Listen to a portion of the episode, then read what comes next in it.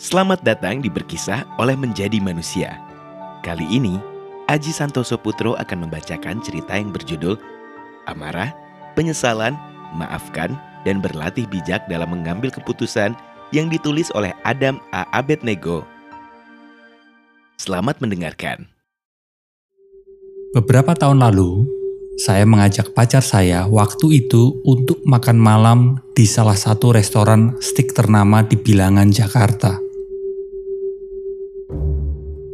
Tidak lama setelah kami duduk, seorang pelayan datang menanyakan apa yang hendak kami makan.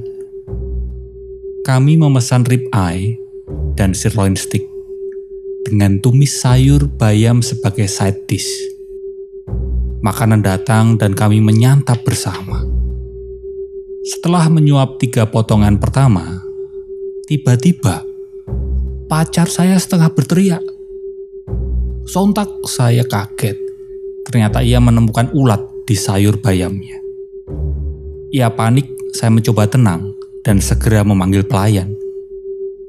Manajer dan pelayan dari restoran tersebut meminta maaf dan segera mengganti makanan kami. Dalam kesempatan yang berbeda, saya sedang berkumpul bersama teman lama di salah satu restoran oriental.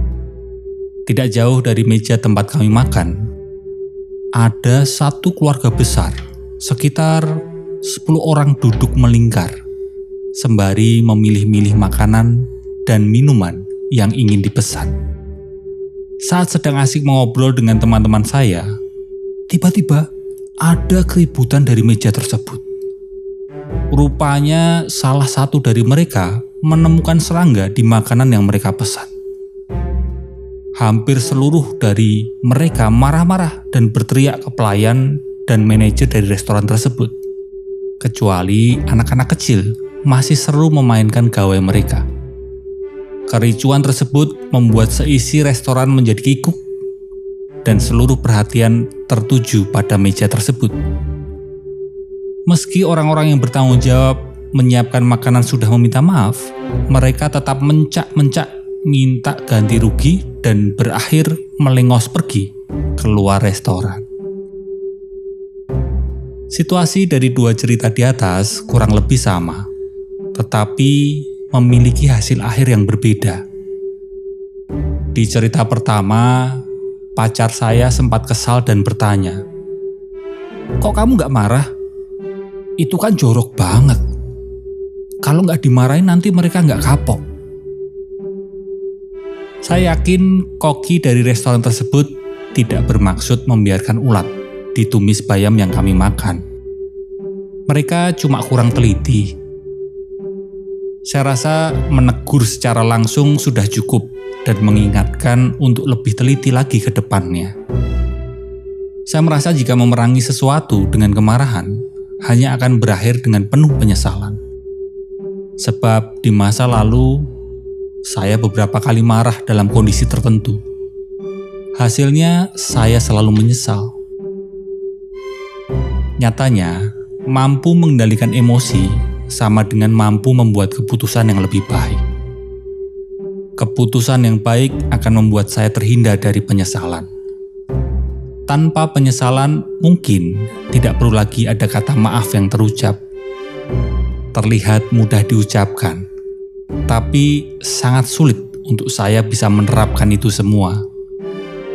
Namun, satu yang saya percaya adalah bahwa membuat keputusan yang baik adalah sebuah kebijaksanaan.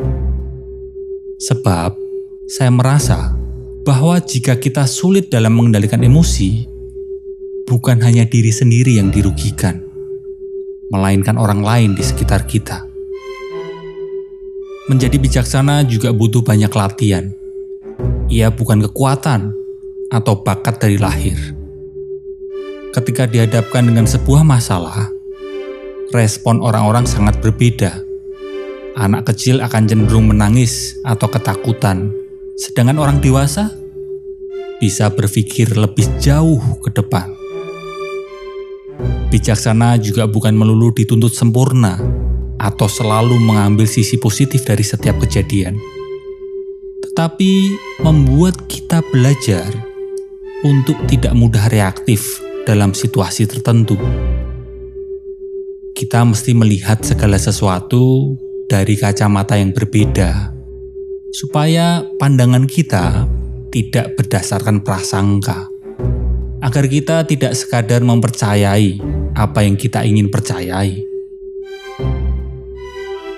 Perihal amarah, penyesalan, dan memaafkan adalah hal yang saling terhubung satu dengan yang lainnya.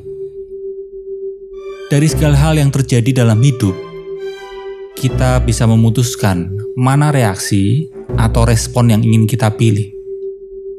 Jika kita merasa kecewa, tanya ke diri sendiri, apakah ada manfaat dari marah yang kita proyeksikan ke orang lain?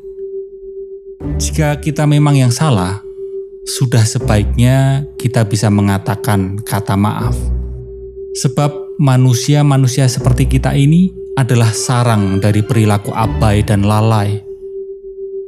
Semoga kita semua semakin lihai dan ahli dalam setiap pengambilan keputusan di masa depan.